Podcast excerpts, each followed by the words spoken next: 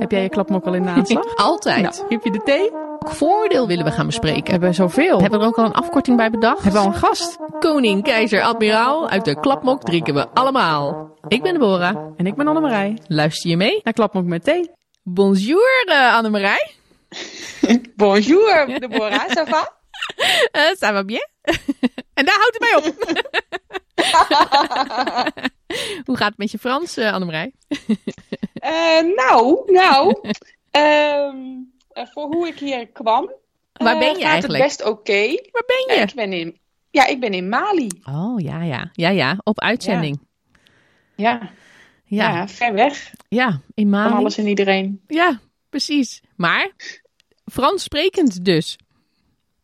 Ja, nou ja, de voertaal uh, in het werk is op zich Engels. Oké. Okay.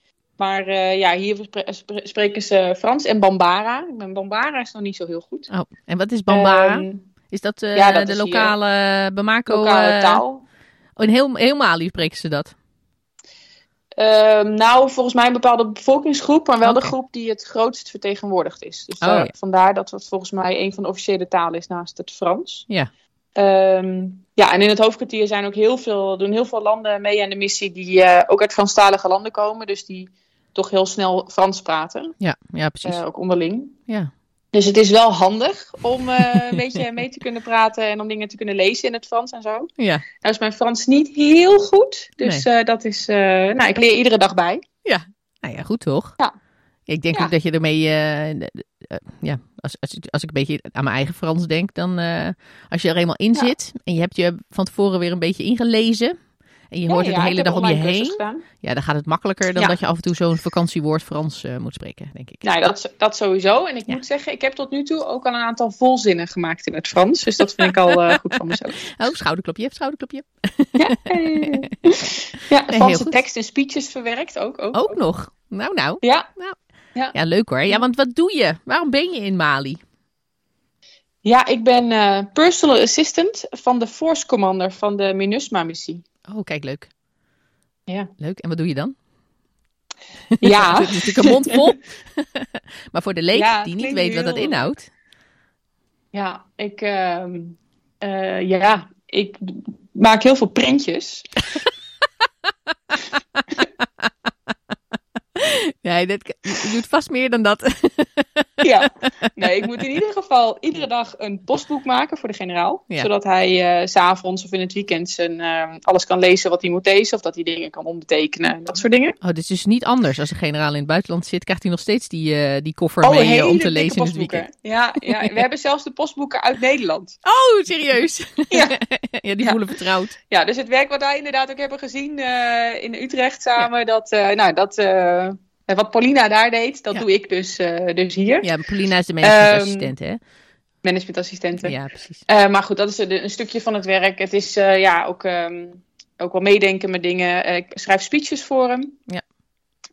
Um, ik heb nu een opzet gemaakt voor een presentatie die hij kan geven voor verschillende, nou, verschillende gelegenheden. Ja, precies. En dan heb ik een opzet gemaakt en dat stem ik af met andere, met, uh, met de politiek adviseur bijvoorbeeld die we mee hebben, uh, met de adjudant die mee is, hè, dat soort dingen. Ja. Uiteindelijk um, nou, uh, spreek, ga ik er samen mee zitten met de military assistant, dat is een kolonel. Ja.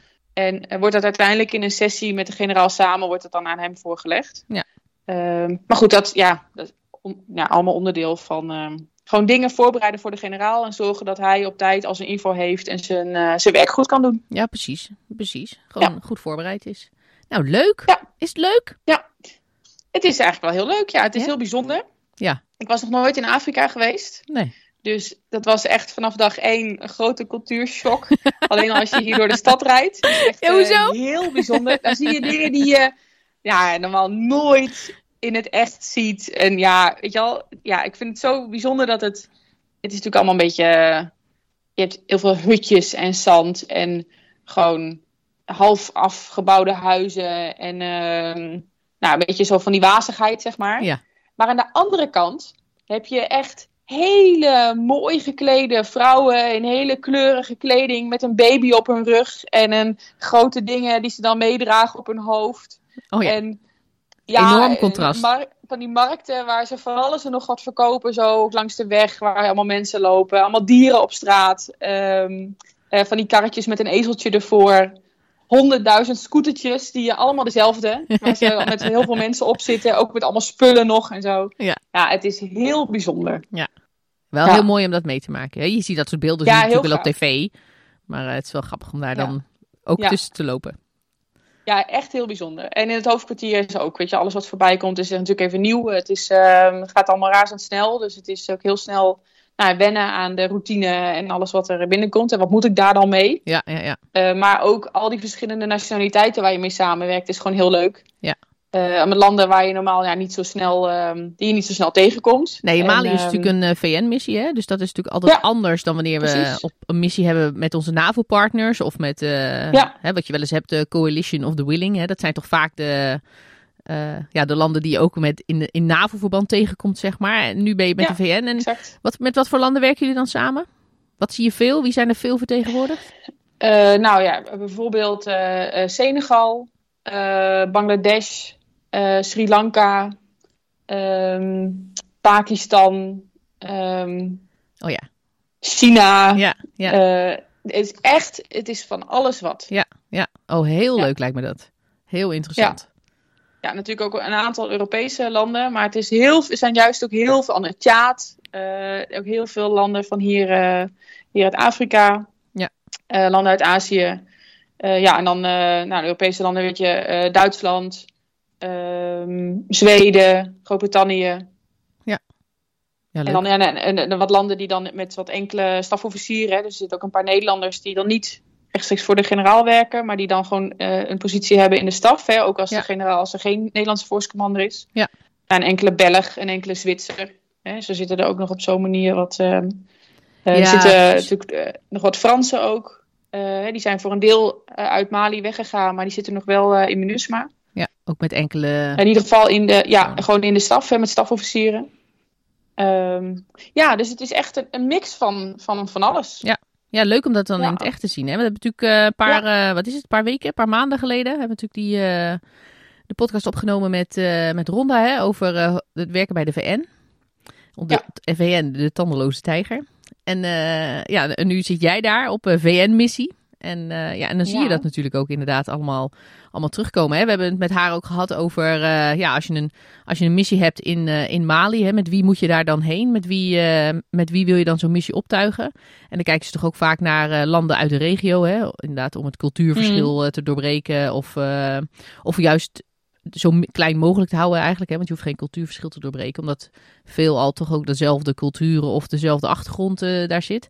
Dus ik, vind, ik ben wel heel benieuwd ja, of, of je dat dan ook terugziet daar. Want als ik die landen hoor met, eh, waar je het over hebt, dan gaat het echt van, van, van de ene kant van, eh, van de wereld. Hè, als ik de kaart voor Ja. me zie, dan zitten we helemaal in Bangladesh, Sri Lanka en dan hop, weer naar de andere kant. met landen die allemaal aanhaken. Ik, ik vind het wel heel interessant. Het lijkt me echt een super interessante omgeving. Ja. Om met al die culturen ook samen te moeten kunnen werken, zeg maar. Nee, dat is het absoluut. En, ehm, en het is gewoon, ja, ik, ik zit nu natuurlijk in, nog, ja, in de eerste paar weken. Ja. Een beetje het eind van mijn eerste maand hier.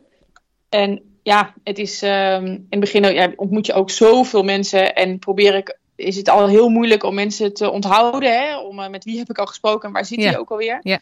En dan probeer je ook een beetje in de, in de landen ook zo te zien. Hè? Van die, oh, die komt daar vandaan. eh, Vlaggen te herkennen. Ja, ja, ja. Nou, jij komt vlaggen tegen dat je, nou ja, die je normaal niet heel vaak ziet. hè. De Liberia, eh, Nepal. eh, nou ja, het is echt, je kan alles verzinnen. eh dan kom je hier natuurlijk tegen. Het zijn Ja. bijna 60 landen die in de missie zitten. Ja, oh, dat is best wel veel. Ehm, dus het is heel goed voor je vlagherkenning. Ja. Maar eh, ja. Ehm, ja, het is gewoon, het is heel leuk om te zien, ehm, nou ja, ook gewoon hoe je met, met, met iedereen communiceert. En, en voor de ene, voor mij is, ik ga dan wat minder makkelijk een heel gesprek eh, in het Frans aan. Ja. Ehm, nou ja, er zijn er genoeg waarvan het eh, Engels natuurlijk ook gewoon heel goed is. En ehm, ja, en, en ook heel leuk, weet je. Er zijn er, ook al komen ze uit een heel ander deel van de wereld en hebben ze- en misschien een heel andere, heel andere cultuur, andere achtergrond. Heb je ook gewoon een heel leuk gesprek mee als die ergens voor langskomen. En, Ja. eh, of je moet even iets van elkaar, zeg maar. Ja, ja. Ehm, dus dat is ook wel heel leuk. Weet je wel, je hebt net even, eh, nou ja, zeker als je nieuw binnenkomt. Ja. is het leuk om met mensen even een praatje te maken. Van nou, hoe lang zit je hier? En eh, bevalt het goed? En of was ze bijvoorbeeld net teruggekomen van verlof? Ehm, nou, wat heb je gedaan? En ja, dus het is heel leuk om zo Ja. ehm, ja, met iedereen eh, kennis te maken en, en dingen te horen van anderen. Nou, ik denk wel leuk. Ik denk, ik denk dat het wel nodig is natuurlijk, hè, dat je een beetje het, eh, het praatje pot met eh, iedereen, Ja. met iedereen ophoudt, zeg maar. Want je, uiteindelijk moet je toch gaan Ja. samenwerken. En dan is het wel fijn als je, ja, misschien heb je wel ergens een gelijke deler of... en dat, dat praat dan toch makkelijker met elkaar. En leuk ja, elkaar zeker. Nou, er zit, en er zit natuurlijk ook een jurist. Ja. Twee juristen eigenlijk. Oh, kijk. En dat is ook. ja, de, Oh, dat is ja, toch leuk? en Dus daar heb ik direct vrienden mee gemaakt. Ja. Ja, de ene komt uit, eh, uit Nigeria en de andere, de deputy, die komt dan uit, eh, komt uit Zwitserland. Oh, oké, leuk. En ja, dat is ook wel heel grappig. Ja, ja. En is di- direct ook aansluiting mee. Dus, en ze hebben een seminar deze week. Dus het daar trekt elkaar toch aan, hè? Het trekt elkaar Ja, toch ja, aan. ja, ja, ja. ja, ja. Wel ik mocht heel leuk. natuurlijk een speech schrijven voor de generaal voor de opening. Ja. Die komt de opening doen. Nou, dat is toch wel extra leuk. Ja, dat is heel leuk. Ja. Ja. ja. Kun je toch even aanhalen dan. Ja, leuk hoor. Ja. Ja, Dus maar eh, horen jullie in Nederland nog een beetje over eh, MINUSMA en Mali en eh, wat hier gebeurt? Nou, nee, als ik heel eerlijk ben, valt het eigenlijk wel een beetje tegen. Want ja, dat dacht ik al. ja, ja, het is natuurlijk ook een beetje ons, ons, ons vooroordeel hè, voor deze, voor deze Ja. podcast. En Mali, de vergeten missie. Want ja, met alle, met alle, met alle ontwikkelingen die gaande zijn, met name in het oosten van Europa, hè, om maar zo te zeggen, merk je toch dat er eh, weinig tot geen aandacht eh, is voor, eh, ja, voor andere missies. Uit zo, als, zo ook als Mali. Hè. We hebben ook nu op dit moment niet heel veel mensen, wat je precies wat je zegt. We hebben geen hele eenheden op dit moment die in Mali, in de missie Mali deelnemen. Dat doen we niet meer. Maar goed, wel heel Nee. belangrijk is, we hebben wel de Force Commander die leveren we als Nederland. En ondanks Ja. dat we dat doen, merk je, toch, merk je er toch vrij weinig van, van de missie hier in Nederland. Hoor je maar weinig Ja, en dat mee. is best een hele bijzondere positie. Nou, dat denk ik ook. Dat denk ik ook. Ja. Maar ehm, ja, omdat je toch zo lekker dicht bij het vuur eh, zit, Annemarij. Is dit dan niet Ja. het goede moment om eh, te vragen of eh, de Force Commander wil aanhaken bij ons gesprek? Ja, we gaan hem er gewoon even bij halen. Lijkt me een goed plan. Nou, welkom. We zitten hier met de luitenant-generaal Kees Matthijssen, de force commander van MINUSMA. Precies, daar hadden we het net over. Leuk dat u erbij kan zijn. Nou, leuk om erbij te zijn, eh Annemarij en Deborah. Leuk om eh, weer een keer eh, in jullie eh, podcast te zitten. Ja. En nu eh, voor een ander onderwerp. Ja, maar ook in een andere visit. rol. Ja, een andere rol. En een hele bijzondere, mag ik wel rol. zeggen. Ja, Ja, heel bijzonder. dat eh, mag je wel zeggen, ja. Als ik zo bescheiden mag zijn. Ja, Maar, maar dan is natuurlijk de grote vraag. natuurlijk helemaal eh, vanuit Mali. Ja, ja, want daar zit ik nu, ja. Ja, de grote In, vraag, eh, Deborah. Ja, wat betekent dat, het zijn van Force Commander? Wat, wat is dat?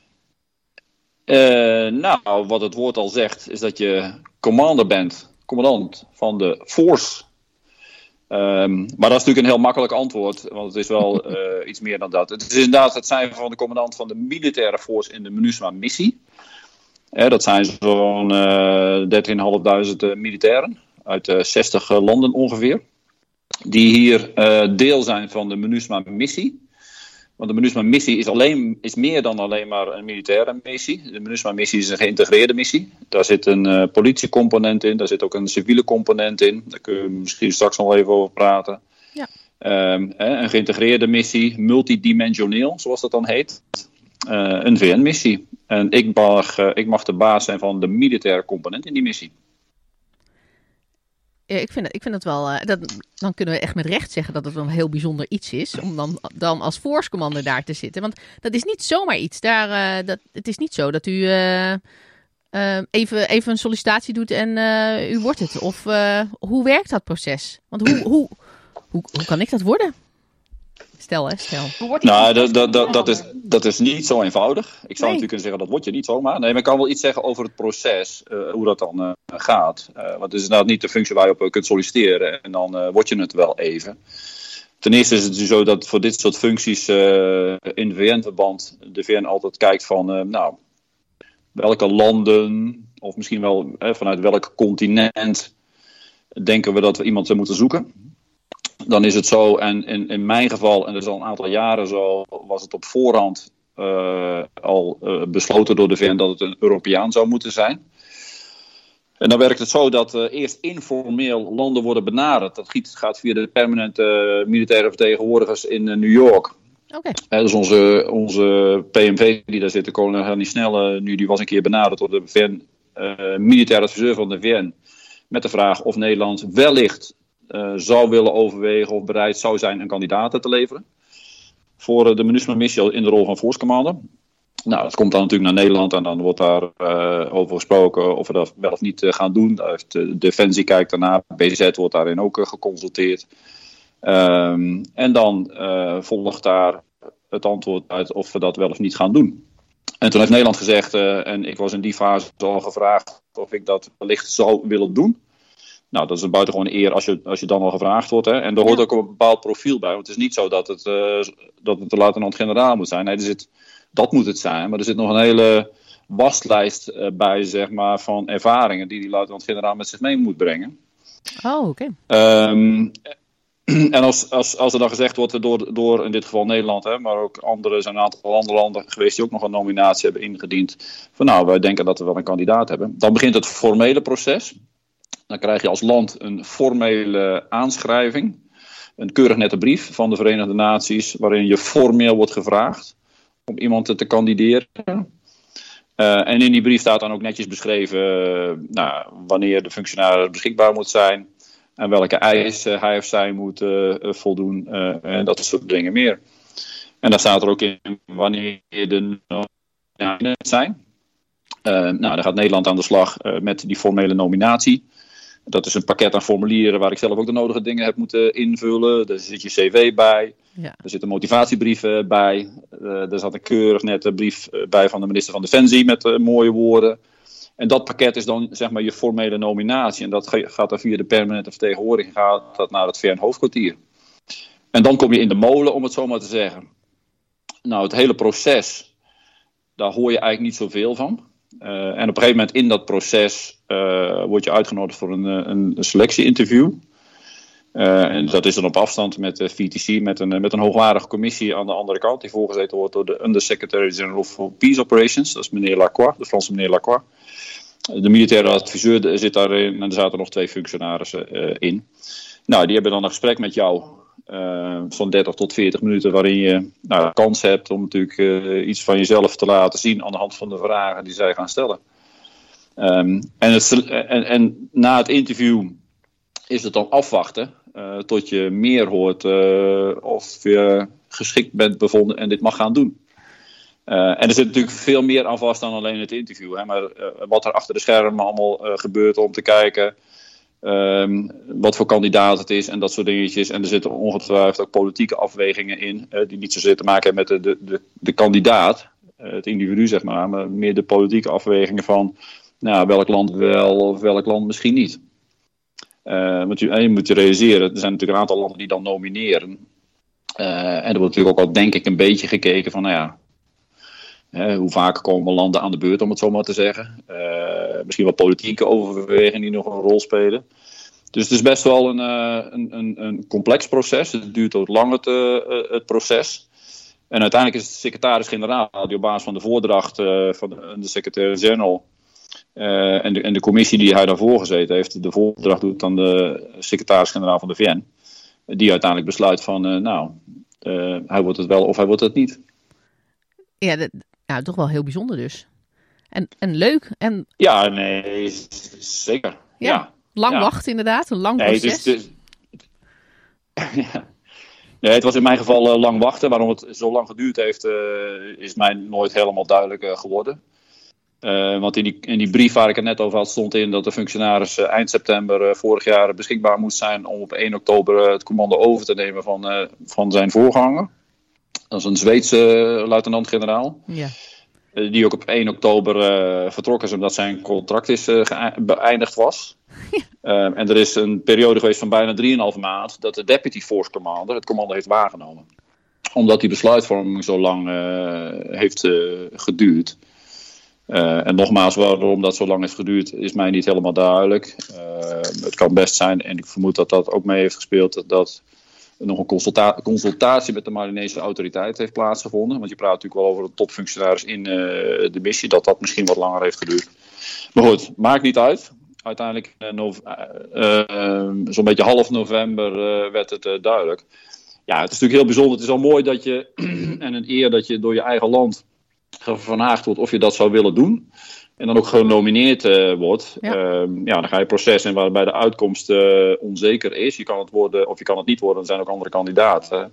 nou ja, en als je het dan wel wordt, is het sowieso een bijzondere eer en een bijzondere kans. Ja, absoluut. absoluut. Als ik dan, ja, en ja. het is dus in zo'n in, in zo'n VN-missie is het dus niet gebruikelijk dat er een, nog iets van een functieoverdracht, een overlap. Hè, dat die twee force commanders nog even samen uh, zitten om het, uh, om het van elkaar over te nemen. nee, dat is allemaal niet zo vanzelfsprekend. Hè? Dat, in, in, die zin, dat, althans, dat blijkt dan uit het voorbeeld dat ik net heb geschetst. Drieënhalf maand een deputy force commander. Nou, die heeft echt naar eer en geweten, naar zijn beste vermogen het commando waargenomen. En die heeft dan aan mij, toen ik binnenkwam, natuurlijk wel keurig netjes alles doorgesproken en de dingen overgedragen. en ik heb zelf nog wel met mijn Zweedse voorganger gesproken. Ik ben uh, naar Zweden gereisd om hem uh, toch nog even een dag uh, te spreken en eens even wat ervaringen van hem mee te krijgen. en daarnaast heb ik overigens in mijn hele voorbereiding met, met voorgangers van hem gesproken. de Belgische generaal De Koning en ik heb ook de End of Assignment reports gelezen. Iedere functionaris die weggaat, die wordt geacht een End of Assignment report te schrijven, een soort, okay. soort evaluatie. Ja. Dus ik heb echt wel uh, verdiept zeg maar, in ervaringen van voorgangers voordat ik hieraan uh, begon.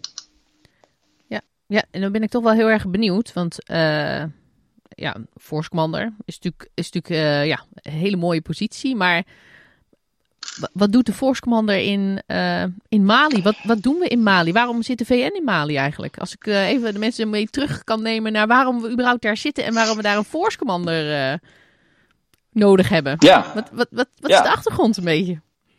Ja, nou laten we even beginnen waarom, waarom de VN hier zit. Hè? Uh, het is zo dat in 2012 uh, er een, een, eigenlijk een soort van opstand was in het noordelijke deel van Mali. Ja. Waarbij uh, het noordelijke deel van Mali zich uh, eigenlijk wilde afscheiden. Hè? als er wat zou worden. De achtergrond daarvan is dat in het noordelijk deel van Mali. Mali is een heel groot land. Hè? Dus, dat is net zo groot als Frankrijk en Spanje samen. Okay. Uh, en het is eigenlijk als je op de kaart kijkt, zijn het twee delen. Hè. In het midden is het wat smaller en daarboven wordt het naar het oosten toe wat breder. En naar het zuiden wordt het naar het westen toe wat breder, zeg maar. Om het even te visualiseren, heel kort. Ja. Maar vooral in dat noordelijk deel, dat is een, dat is een dun bevolkt uh, deel. Uh, waar vooral uh, Tuaregs, uh, Arabieren, Arabische Afrikanen wonen. En in het zuidelijk deel wonen meer, nou, de meer oorspronkelijke Afrikanen, als ik het zo mag noemen. Dus je hebt verschillende soorten bevolkingsgroepen in Mali. Ja. Dat is één. Nou, die bevolkingsgroepen die hebben al van oudsher nou, eigenlijk nooit helemaal een harmonische relatie gehad. dat maakt het heel moeilijk. En in het noorden heeft heel erg uh, is heel erg het gevoel ontstaan in de loop van de geschiedenis eigenlijk al. Dat het noorden zich wat achtergesteld uh, voelde, benadeeld uh, voelde. Het gevoel dat, dat ze niet altijd volwaardig in overheidsfuncties werden betrokken. En al dat soort dingetjes meer. dus het overheidsgezag in het noorden was beperkt. En ook dan, nou, als je dan ook nog economisch weinig vooruitgang ziet. En ook niet ziet dat jouw regering veel voor jou betekent ja, dan ontstaan er natuurlijk gevoelens van uh, nou, uh, onrust. Uh, moeten, we daar, moeten we niet het recht in eigen hand nemen? En in 2012 was overigens niet de eerste opstand in het noorden, want de eerste was in 1963. Daarna is er in 19, volgens mij 93 of 91 nog een geweest en in 2006 nog een keer. Dus in 2012 was het eigenlijk de vierde al. Toen heeft Frankrijk heeft ingegrepen. Hè? Kun je je misschien nog wel iets van herinneren met een, uh, met, met een operatie. De operatie Serval heette dat. Uh, en dat heeft daarna is geleid tot een uh, missie, een militaire missie geïnitieerd door ECOWAS. ECOWAS is de Economic Community for West, Western African States. Zeg maar een, een soort EU van West-Afrikaanse landen. Die heeft een militaire missie geïnitieerd. AFISMA, African International Support Force in MINUSMA. als ik het goed heb, zoiets. Ja. Gemandateerd door de VN, door de VN-resolutie. En die missie heeft uh, relatief kort, ik denk ongeveer een jaar of zo. En die is toen opgevolgd door MINUSMA. Hè, dus echt de VN-missie daarna, een multidimensionele geïntegreerde uh, missie. Ja. Uh, nou, en die missie zit er nog steeds. Hè. Ook omdat Mali kenbaar heeft gemaakt dat ze nou, eigenlijk graag zouden zien dat de VN zou bijspringen om nou, de situatie op orde te brengen. en te helpen om de stabiliteit weer terug te brengen in het land. Dat is eigenlijk in een, in een nutshell een beetje de oorsprong. Maar het is belangrijk om te beseffen dat zeg maar de, de, de conflictoorzaak die gaat veel verder en veel dieper dan alleen maar 2012, zeg maar, die opstand. Dat komt ergens vandaan. De root causes die liggen echt veel dieper. En het is een buitengewoon complexe situatie hier als je daarnaar kijkt. En, uh, want de root causes die liggen echt heel diep. Um, en dus goed om dat te realiseren. Dat is ook iets wat, ons, ons dagelijks realiseren in, in de missie. Maar dat is in het kort, in het kort een beetje denk ik de oorsprong van de missie zoals die er nu ligt. En dan misschien even in, inhaken op de vraag van, nou, wat doet nou een force commander? Ik zei net al, ja, baas van de militaire component van de missie. Ja. De missie bestaat uit een aantal componenten. Uh, aan de civiele kant heb je eigenlijk een, uh, een politieke zuil, die onder leiding staat van een, van een deputy special representative of the Secretary-General for Political Affairs. Dat is een mond vol. Nou. Deputy. Dan heb je een, uh, een humanitaire zuil, dus ook een civiele zuil. Die staat onder leiding van de Deputy Special Representative for the Secretary-General for Humanitarian Affairs. Dan heb je de militaire zuil, die staat onder leiding van de Force Commander. Dan heb je een politiezuil, die staat onder leiding van een Police Commissioner. Er zijn ongeveer 2000 politiemensen, politieeenheden om waar ineens een politie bij te staan. En dan heb je nog een grote mission support zuil, uh, die natuurlijk missiebreed Um, eigenlijk alle ondersteuning voor zijn rekening neemt. Uh, logistiek, uh, financieel, op gebied van infrastructuur en dat soort dingetjes meer. Nou, dan heb je vijf zuilen. En de overall leiding die is in handen van de Special Representative van de Secretary-General. Afgekort noemen we dat ook wel SRSG. Oh ja. Hier, dat is, een, dat is een diplomaat uit Mauritanië op dit moment, meneer El Gassim Wane die eigenlijk de overall leiding heeft uh, over de missie. Dus als force commander zit je in het uh, leadership team. Die, die, die vijf bazen zeg maar, van die zuilen, waar ik er één van ben, samen met die SRSG zijn het leadership team van uh, de missie. en dat is eigenlijk de structuur waarin, waarin de missie werkt. En dat is een structuur die je eigenlijk in alle VN-operaties en alle VN-missies wel terugziet. Een beetje afhankelijk van de omvang uh, en de omstandigheden. In wat kleinere missies kun je nog wel eens zien dat het, uh, dat het uh, wat, wat pragmatisch is ingericht. Waarbij je soms ziet dat de Force Commander tevens de Special Representative functie heeft. Ja. dus de head of mission is. Maar dat is hier niet zo. Omdat dit gewoon een hele grote missie nee. is. Ja, want Force Commander klinkt natuurlijk heel eindbazerig. Maar dat is natuurlijk de, ja. dus de, de SRSG. Ja. Ja, ja. Ja. Nee, dat, dat klopt. Hè. De, de, de, het, het woord eindbaas heb ik bij jullie meer gehoord. Maar het is wel interessant dat je dat zegt. Jullie hebben de CDS wel eens eindbaas genoemd. Maar ik heb wel eens tegen de CDS. De CDS belt mij wel eens om eens te vragen hoe het gaat. Ik heb hem ook wel eens een beetje uitgelegd hoe dat hier georganiseerd is. Ik heb wel eens tegen hem gezegd: eigenlijk is uh, mijn positie hier een beetje vergelijkbaar met de positie van de CDS. Ja. Uh, de CDS die natuurlijk ook in een, uh, in een leiderschapsteam zit van het ministerie van Defensie. Nou, lees voor de special representative misschien wel de minister. Uh, en dan heb je daaronder dan heb je nog de secretaris-generaal, belast met de dagelijkse leiding. Nou, die heb je hier niet. Er is hier wel een mission chief of staff, maar die ja, zou je een klein beetje kunnen vergelijken, maar die zit niet in de hiërarchie. Um, en dan heb je daarna natuurlijk de directeur-generaal beleid. Ja. Nou, je zou kunnen zeggen dat zijn de twee civiele pilaren hier. Hè, voor, eentje voor politiek en voor humanitaire zaken. Dan heb je de grote militaire uitvoerder uh, in Nederland, CDS, uh, ik hier zeg maar. Nou, dan heb je nog een vergelijkbare uitvoeringscapaciteit, de politie. En de Director for Mission Support, met alle Mission Support, is eigenlijk een combinatie van de HDFC. Die gaat over alle financiële en de, de complete begroting doet die. Uh, combinatie van HDFC, um, uh, DMO, instandhouding, uh, DOSCO, facilitaire ondersteuning, um, HDBV een beetje, bedrijfsvoering. Dat zit Ja. allemaal in die mission support. Eh, dus ik ben een van het, eh, van het leiderschapsteam eh, van eh, de missie, net zoals de CDS in het ministerie eh, bij ons, eh, nou, een van de senior leaders is in het, eh, in het eh, team wat het ministerie en eh, het, onze krijgsmacht bestuurt. Nou, ik denk wel een hele heldere vergelijking.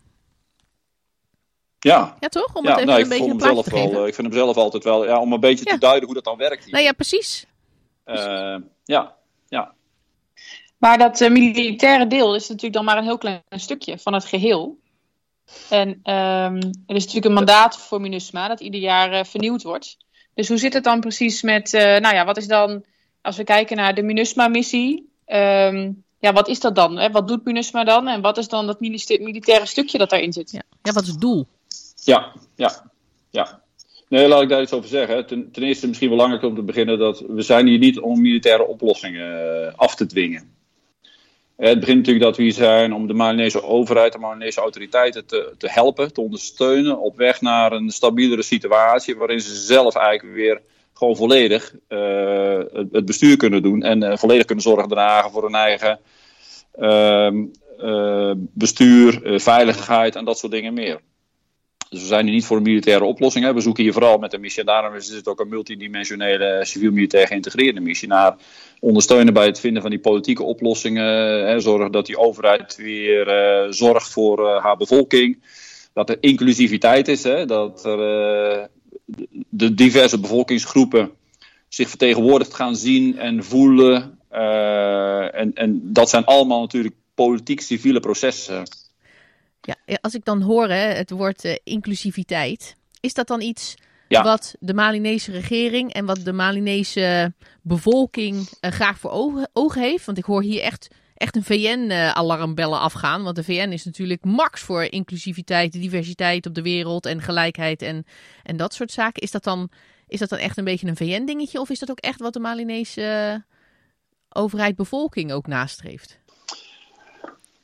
Ehm, nee, dat, dat is een interessante en een goede vraag. Hè? Eh, laat ik even volgens zeggen, als ik, als ik praat over inclusiviteit hier, dan gaat het er eigenlijk om dat elke bevolkingsgroep, ik heb er straks iets gezegd over de, de Arabieren Ja. en de Tuaregs in het noorden, dat die, eh, dat die zich volwaardig Malinees kunnen voelen. Dat ze het gevoel hebben dat hun belangen behartigd worden. En ook dat ze, dat ze in aanmerking worden genomen voor functies binnen die overheid of binnen die regering. Ja, precies. Hè, dat, dat bedoel ik met die inclusiviteit. Ehm, nou, is dat iets, hè, je stelt mij de vraag, is dat iets wat de Malinese overheid eh, nastreeft? Ja, dat zit wel in hun beleid, alleen de praktijk is wel eens wat weerbarstiger. Ja, ja, er zijn nu net eh, eh, een maand of twee geleden zijn er afspraken gemaakt over het zogenaamde transitietraject. Hè, want er zit nu een militaire junta hè, sinds wat is het, mei vorig jaar. Er zijn afspraken gemaakt over het transitietraject, zeg maar, hè, op weg naar eh, verkiezingen met eh, diverse gelaagdheden, lokaal, regionaal, uiteindelijk presidentsverkiezingen in begin 2024. Waardoor er uiteindelijk weer een situatie komt met een gekozen eh, regering en gekozen bestuurders. En ook daar is het natuurlijk zaak dat alle bevolkingsgroepen die er zijn, en dat zijn er nogal wat, dat die zich voldoende mate vertegenwoordigd vo- voelen en de kans hebben aan dat soort processen mee te doen. Dat bedoel ik met eh, inclusiviteit. Ja. Als je met mensen praat, en met Malinezen praat, die willen niet meer en niet minder dan dat. Hè, als ik in het noorden ben en ik praat met, eh, met eh, lokale vertegenwoordigers daar, hè, of dat nou eh, village chiefs of burgemeesters of gouverneurs zijn, die uit die groeperingen komen, ja, die, die willen zich gehoord voelen, die willen deel zijn van Mali en zich hun belangen zeker gesteld zien en dus ook vertegenwoordigd zijn in, nou, in, in het bestuur. Dat is eigenlijk de inclusiviteit waar ik op eh, eh, doel. En uiteindelijk is dat ook even de- wat ik er straks zei, onderliggende conflictoorzaken. Dat het noorden zich gewoon achtergesteld heeft eh, gevoeld. Hun belangen niet eh, behartigd eh, zag, zich niet vertegenwoordigd zag. Waardoor uiteindelijk het gevoel is ontstaan van ja, maar zo kunnen we niet verder. We kunnen het beter zelf doen. ja, ja. Heel simpel gezegd. Ja, dus dat bedoel logisch, ik met die inclusiviteit. Dus dat is zeker iets wat hè, gekoppeld aan conflictoorzaken, aan gevoelens onder diverse bevolkingsgroepen hier leeft. En zeker niet iets wat de VN oplegt. Nee. En ik wil graag deze vraag ook ge uh, gebruiken om, om, nog iets anders uh, te zeggen. Wij zijn hier niet om te zeggen wat de Malinezen moeten gaan doen.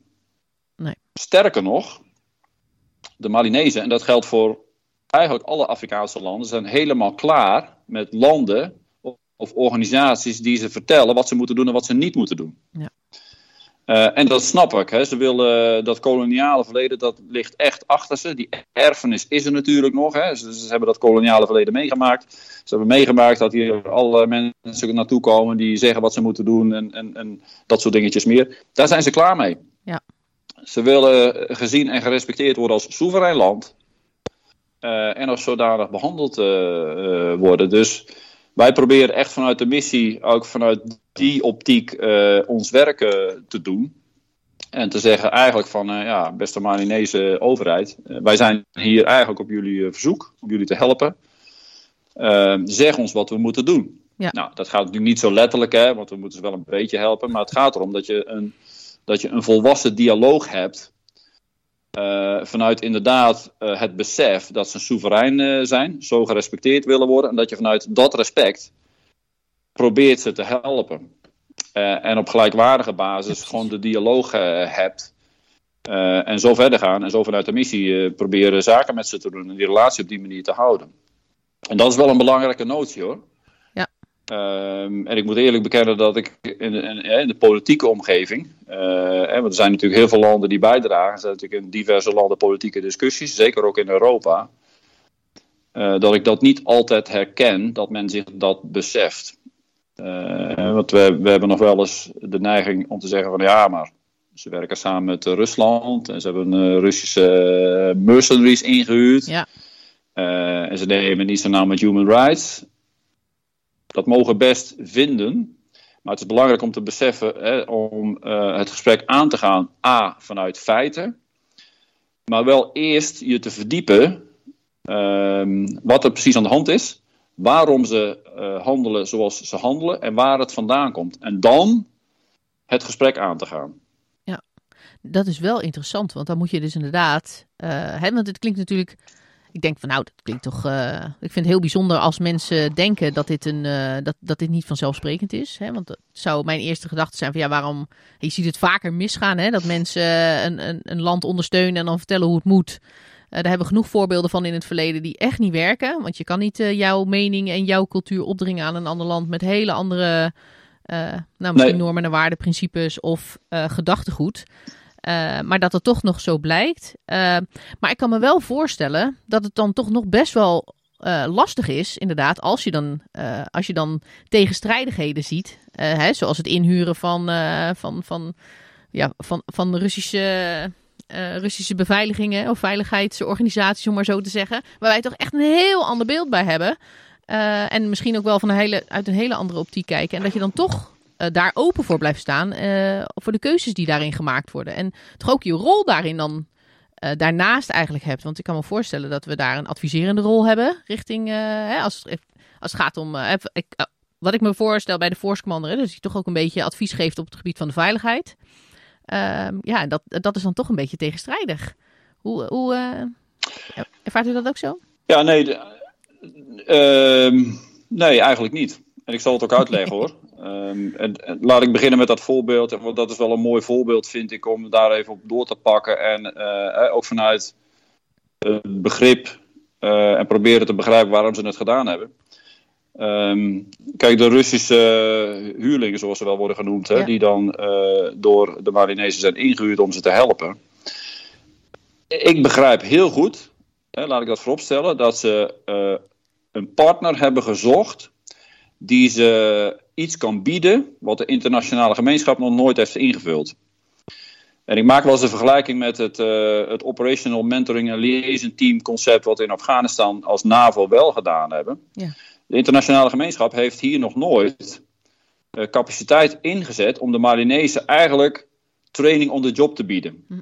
Training, advisering, begeleiding ook als ze operaties gaan doen hè, bij hun werk. Uh, want de EU-trainingsmissie was hier, en die heeft eigenlijk vooral individuele training gedaan. Uh, dat is één. En die hebben die taak nooit ingevuld eh, eigenlijk om eh, politieke redenen, eh, vooral omdat er binnen de EU geen overeenstemming over bereikt eh, kon worden. Er is wel over gesproken, weet ik. Dat is één. De VN kan het niet doen, eh, gelet op het eh, mandaat eh, wat we hebben en het zijn van VN-organisatie. De Fransen met de operatie Barkhane hebben het wel gedaan, eh, maar dat is relatief op beperkte schaal geweest. Dus het punt is, het, het vertrekpunt. Ja. Eh, ik begrijp waarom ze een bepaalde capaciteit hebben eh, ingehuurd om ze te helpen. Om als, eh, waarmee ze als krijgsmacht, als, en vooral, vooral bij de Marinese landmacht, waarmee ze beter worden. Eh, dat is één. Nou, het is misschien, eh, en dat is natuurlijk politiek, heeft dat heel veel vragen opgeroepen. eh, ja, waarom dan die eh, groepering, die organisatie met een Russische achtergrond? Ja. Nou, dat is hun keuze. Dat moeten we respecteren. Hè? Politiek vinden we er allemaal iets van, maar het is hun keuze. Kijk, maar laat ik dan ook zeggen, er zijn ook heel veel westerse landen die in Afghanistan ook private military companies hebben ingehuurd en ingezet. Ja. Ik heb ze zelf gezien. Wij als Nederland hebben dat niet gedaan, maar er zijn andere landen die ze hebben ingezet. Dus het fenomeen private military company is niet nieuw. Ik begrijp waarom de Marinezen behoefte hebben aan, die, aan zo'n capaciteit, laat ik het zo zeggen. Ja, en politiek is het ongemakkelijk dat ze gekozen hebben voor die groep. Maar dat is hun keuze en dat moeten we dan ook respecteren. Ja. En wij moeten zorgen dat we in ons, in ons werken zeg maar, zodanig eh, coördineren dat we niet in een situatie komen dat we samenwerkingen met, met, met die mensen. Want dat, dat kan niet. Nee. Eh, dat kan niet op grond van het mandaat wat we hebben als VN.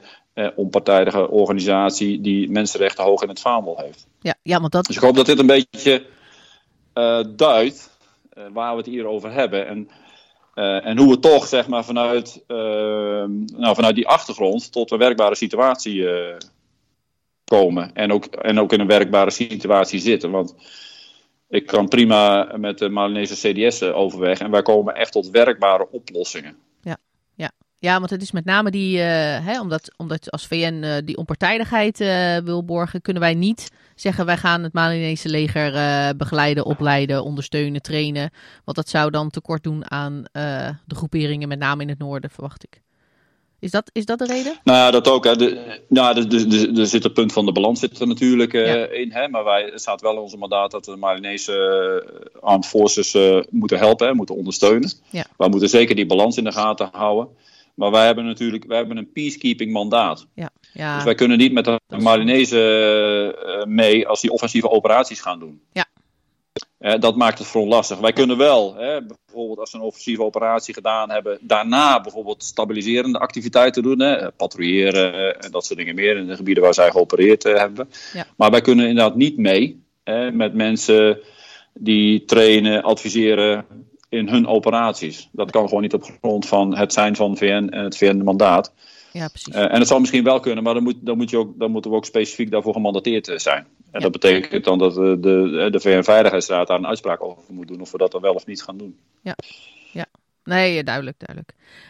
De grote vraag is, wanneer is dan de VN-missie geslaagd? Wanneer is het dan klaar? Is dat het moment dat de Malinese regering zegt, nou, bedankt, het was fantastisch de afgelopen jaren, we gaan het nu zelf doen? Of, want anders, ik, ja, er zijn een aantal van die VN-missies, nou, die lopen al sinds... eh nou, mensenheugenis wil ik Sinds wij zeggen. leven. Ja, nou zeker 79, 79 bijvoorbeeld. Ja, Echt mooi ja. jaar. Ja, Maar ja, ja. ja. dat kan dit natuurlijk ook En toen was ik er nog lang niet natuurlijk, hè? nee, jij niet. Nee, maar jullie zijn, jullie, zijn, jullie zijn nog zo jong. Ja, precies.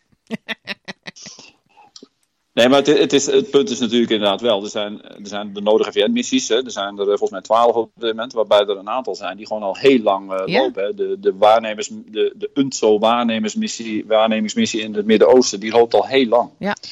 Nou, deze missie die loopt zo meteen. eh, hè, volgend jaar bestaat die ook tien jaar. Dat is inderdaad best wel lang. Ja. Als je kijkt naar de aard, de aard van het conflict en de, en de dieper liggende conflictoorzaken. Eh, dan begrijp je ook wel dat je dat niet in een jaar fixt. Nee. Hè, want het gaat, wat ik er straks al zei, het gaat om politiek-civiele oplossingen. Hè, en het realiseren van meer inclusiviteit, eh, stabiliteit. Een overheid die zorgt voor de basisvoorzieningen. eh, Dat kinderen naar school kunnen. Dat er eh, toegang is tot gezondheidszorg. Dat er een bepaald niveau van veiligheid is. Met een functionerende politie. kinderen, dat is ook met een dingetje functionerende hè? krijgsmacht. Ja, dat is zeker een dingetje, ja. Oh. Ja, dat is zeker een dingetje. eh, hoeveel, eh, dat, ja, het percentage kinderen is echt bizar hoog hier in Mali. Ja, ja. Nee, eh, hou die even vast, hè. Komen we daar nog even op terug. Want daar, Ja. raak, nee, maar daar raak je ook een van de kernpunten eh, eh, in Mali, maar in meer Afrikaanse landen en ook in, ook in Afghanistan over. Eh, maar even terug naar eh, de duur van VN-missies. Kijk, als je kijkt naar eh, de hulp die we dan moeten bieden op weg naar een overheid die voor, zo'n voor, voor, voor haar land zelf eh, kan zorgen. Ja, dat kost gewoon tijd. In principe is het wel zo, Deborah, want jij zei dat. Als de Malinese regering zegt van nou, fijn en bedankt voor wat u gedaan heeft, maar we hebben u niet meer nodig. Ja. Dan, eh, dan gaan we. Zo simpel is het. Hè. We zijn hier eh, ooit eh, begonnen op eh, verzoek van de Malinese regering. En natuurlijk in de VN-veiligheidsraad wordt er dan een eh, besluit genomen. Hè. Dat wordt vastgelegd in een mandaat en in een resolutie, dat we dat dan goed vinden. Ja. Eh, dat mandaat wordt ieder jaar verlengd. Hè. Dat is dit jaar in juni ook weer eh, verlengd. De Malinezen hebben niet gezegd van we hebben u niet meer nodig. Hè. De Malinezen willen graag dat we blijven. Dus dat mandaat is, is verlengd. Want de Veiligheidsraad vindt dat ook goed. En volgend jaar wordt er weer naar gekeken. Maar inderdaad, stel dat de Malinezen zeggen van nou, dank u wel. We komen er nu zelf verder wel uit. Ja, dan kunnen we stoppen. Ja. En tot die tijd blijven we natuurlijk wel, want we blijven natuurlijk niet oneindig. Wij kijken natuurlijk ook wel zelf.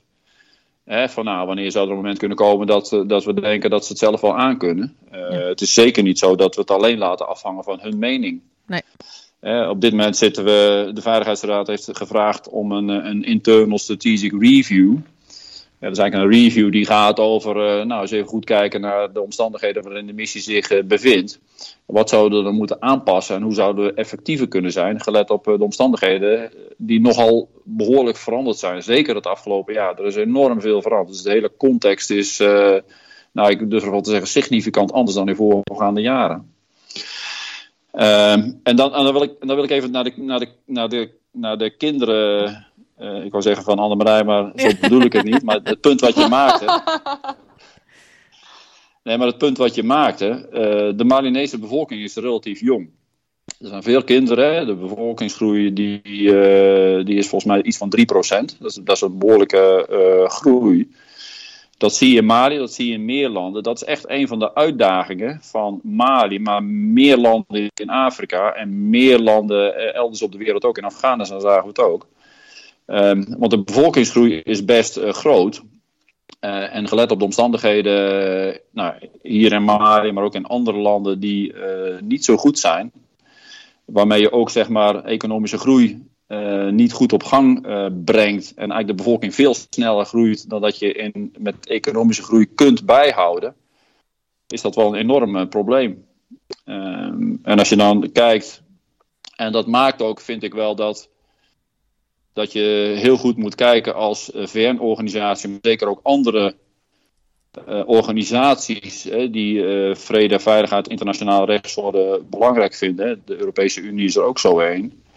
Dat je heel goed moet kijken van wat zou je nou kunnen betekenen om, om ehm, nou, landen te helpen op weg naar meer stabiliteit. Want uiteindelijk, als we kijken naar de, de groei van de bevolking in Afrika bijvoorbeeld, de inschatting is dat over 25 jaar de groei, de Afrikaanse bevolking, hè, het collectief aan landen, wel eens verdubbeld zou kunnen zijn.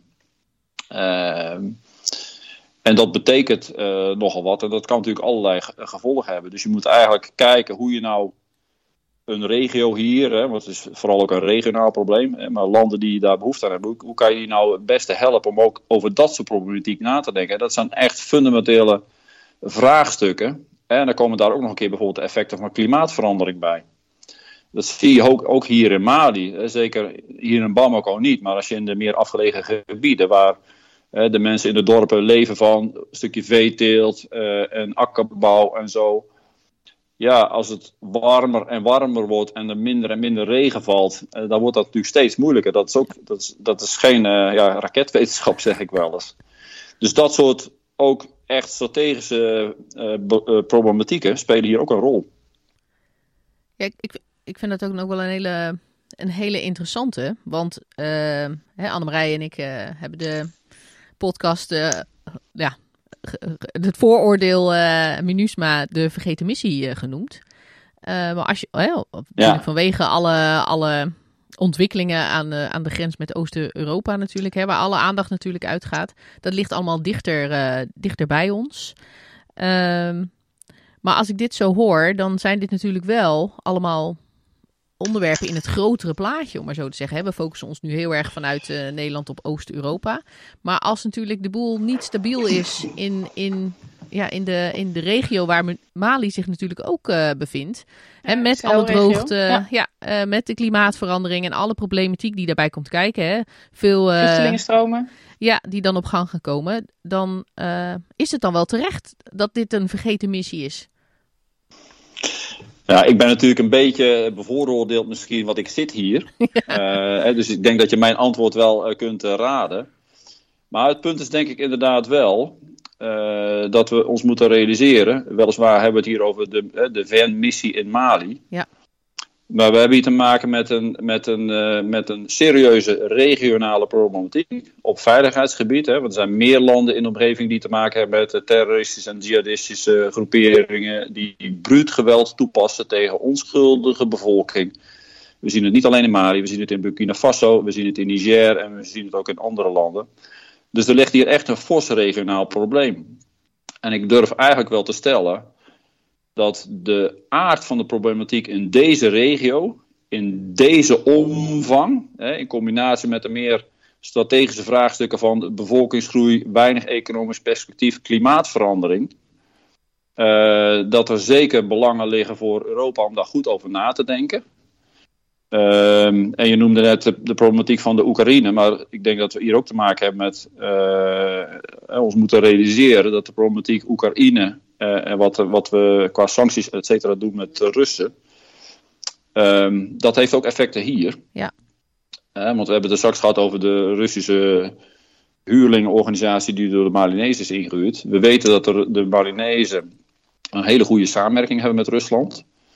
Eh, dat is al van oudsher zo. Hè. Ze hebben in het verleden ook eh, materieel gekocht in Rusland. En ze hebben ook in het verleden officieren opgeleid in eh, Rusland. Overigens ook in Amerika. Ja. Hè, dus laten we wel zijn. Maar die samenwerking met Rusland die is niet nieuw. Die is niet van deze tijd. Maar we weten dat op dit moment er een warme band is tussen Rusland en, en Mali. Ehm, en ik weet niet wat er achter de schermen nog meer plaatsvindt. Maar ik weet wel dat Rusland een groot probleem heeft, economisch en financieel, door, eh, door de sancties. Ik sluit niet uit dat Rusland op andere plaatsen in de wereld probeert compensatie daarvoor te zoeken. Eh, en we weten ook dat Rusland ehm, eh, altijd in zijn strategie er veel aan doet om te proberen internationale organisaties, zeg maar, nou ja, de breuklijnen te exploiteren en uit elkaar te spelen. Ehm, dat gebeurt hier ook, dat durf ik wel te stellen. Ja.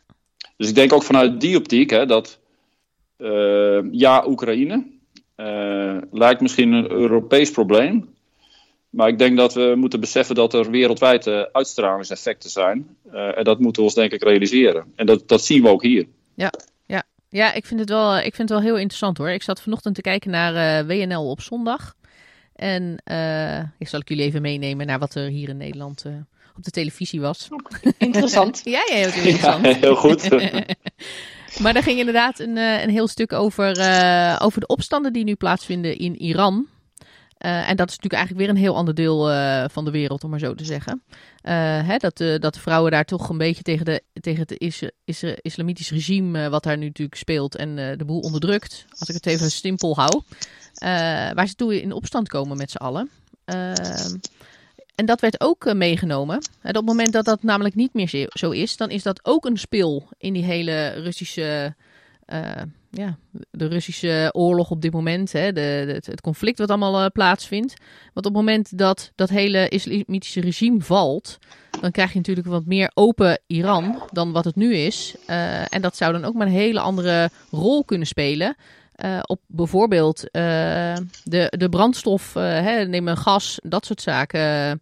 het kan zomaar een leverancier worden voor Europa. Daar waar we natuurlijk nu een afhankelijkheid hebben met, met Rusland voor een groot deel. Waar ook allerlei sancties natuurlijk Ja. op liggen. Ehm, maar dat geeft natuurlijk ineens een hele andere invulling aan, aan het conflict wat nu gaande is. En zo zie je dus eigenlijk ook dat alles wat er gebeurt in de wereld, en alles zit zo gelinkt met elkaar. Het is eh, wat we dan altijd noemen de system eh, of systems. Ehm, Maar dat zie je dus nu heel mooi, eh, heel mooi terugkomen. En ik vind het echt super interessant hoe ogenschijnlijk losstaande problematiek, feiten, gebeurtenissen in de wereld toch zo enorm gelinkt zijn met elkaar. Dat inderdaad, om nou te zeggen, nou we focussen ons even op Oost-Europa, want dat is de directe dreiging en dat is ook het gevaarlijkst voor ons. En zo lijkt het misschien wel, maar de oplossing ligt misschien wel heel ergens anders dan eh, daar inderdaad eh, militair hard tegenin te gaan, eh, bijvoorbeeld. Als dat ooit de oplossing zou zijn voor het beslechten van een conflict. Dat is natuurlijk ook nog even de vraag. Ja, nou, ik denk inderdaad het laatste dat het nooit eh, de oplossing is. Hè. Soms Nee. heb je wel militairen nodig om te helpen een oplossing eh, te vinden. Ja, Eh, of je dat nou met afschrikking doet of echt met militair geweld, dat is, dat is dan afhankelijk van wat er precies aan de hand is. Ja. Maar ik denk dat je absoluut een punt hebt dat, ehm, dat we in de tijd waarin we zitten, met een wereld die zo, ik zeg wel eens, interconnected is, Ja. hè, door alle ontwikkelingen die we natuurlijk in de afgelopen tientallen jaren gezien hebben op het gebied van informatietechnologie, de wereld is veel meer interconnected eh, geworden. Eh, de wereld is veel transparanter. Ja.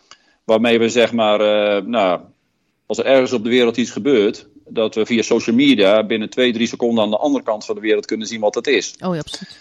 En dat maakt denk ik ook dat we meer en meer te maken hebben met de problematiek die, eh, die je misschien wel vanuit mondiaal perspectief moet bekijken. Ja.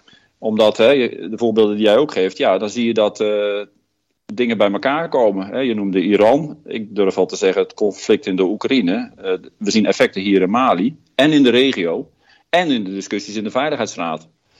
Eh, en dat maakt, vind ik ook, dat eh, de, de VN als organisatie. Ik, ik heb natuurlijk ook goed geluisterd naar de eerste aflevering met de ronde over de VN, hè, vooroordeel tandeloze organisatie. Ja, Ik denk, wat je er ook van vindt, maar op dit moment is de VN de enige. Organisatie waar de hele wereld zo ongeveer in vertegenwoordigd is. Ja. Hè, en het is altijd lastig om consensus te bereiken. Dat is absoluut waar, hè? dat kost tijd. Maar ik denk zeker in de tijd waarin we nu leven, hè, dat problemen meer en meer eh, mondiale impact hebben. Dat je meer vanuit mondiaal strategisch perspectief naar problemen moet kijken. Dat de VN daar absoluut een toegevoegde waarde kan hebben. Want voorlopig is het het enige platform wat mondiaal vertegenwoordiging heeft. Ja. De NAVO is een regionale organisatie, de EU is dat ook, ECOWAS is dat ook. Er zijn natuurlijk veel organisaties die ook een rol kunnen spelen, absoluut. Eh, maar de VN is de enige met de mondiale vertegenwoordiging. ja ik, vind, ik vind het interessant hoor. En even een, even een zijstapje, omdat we het dan regionaal hebben. Ja, Wat is de rol van de Afrikaanse Unie dan eigenlijk? Zijn we als Europese Unie daarmee in Nou, gesprek? Bent u in gesprek met de Afrikaanse Unie? Of, vanuit de missie? Eh, nee, ik ben. Ik, nou, laat ik het zo zeggen. Indirect een beetje wel. Hè. Eh, niet, niet rechtstreeks, maar de Afrikaanse Unie spreekt, die speelt wel een rol. Hè. Die, eh, die volgen natuurlijk aarde ontwikkelingen. En zeker op politiek niveau zijn ze actief. Maar ik zal een praktisch voorbeeld geven. Ehm, eh, er is hier ook een, een peace agreement, een vredesakkoord. Dat is in 2015 in Algiers gesloten. Dat is een belangrijk ankerpunt zeg maar, voor het proces wat nu gaande is.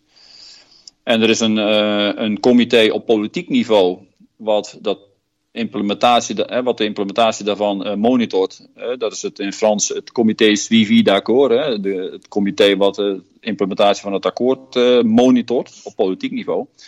Er is ook een comité daaronder wat kijkt naar de militaire aspecten daarvan. Nou, ik heb het voorrecht om dat comité voor te zitten. Dat is de, de, op het Frans de Commission Technique de Sécurité. Oh, De Technical Security Committee in het Engels. Daar zitten Frans- dus de de, generaal is de heel goed in Frans. ik hoor het ja. Ik ben Nou, helemaal dankjewel onder de indruk. allemaal. Ik doe mijn best. ik doe mijn best. Ehm, maar in dat, in dat comité zitten dus eh, de, de, de drie grote partijen die het vredesakkoord ondertekend eh, hebben.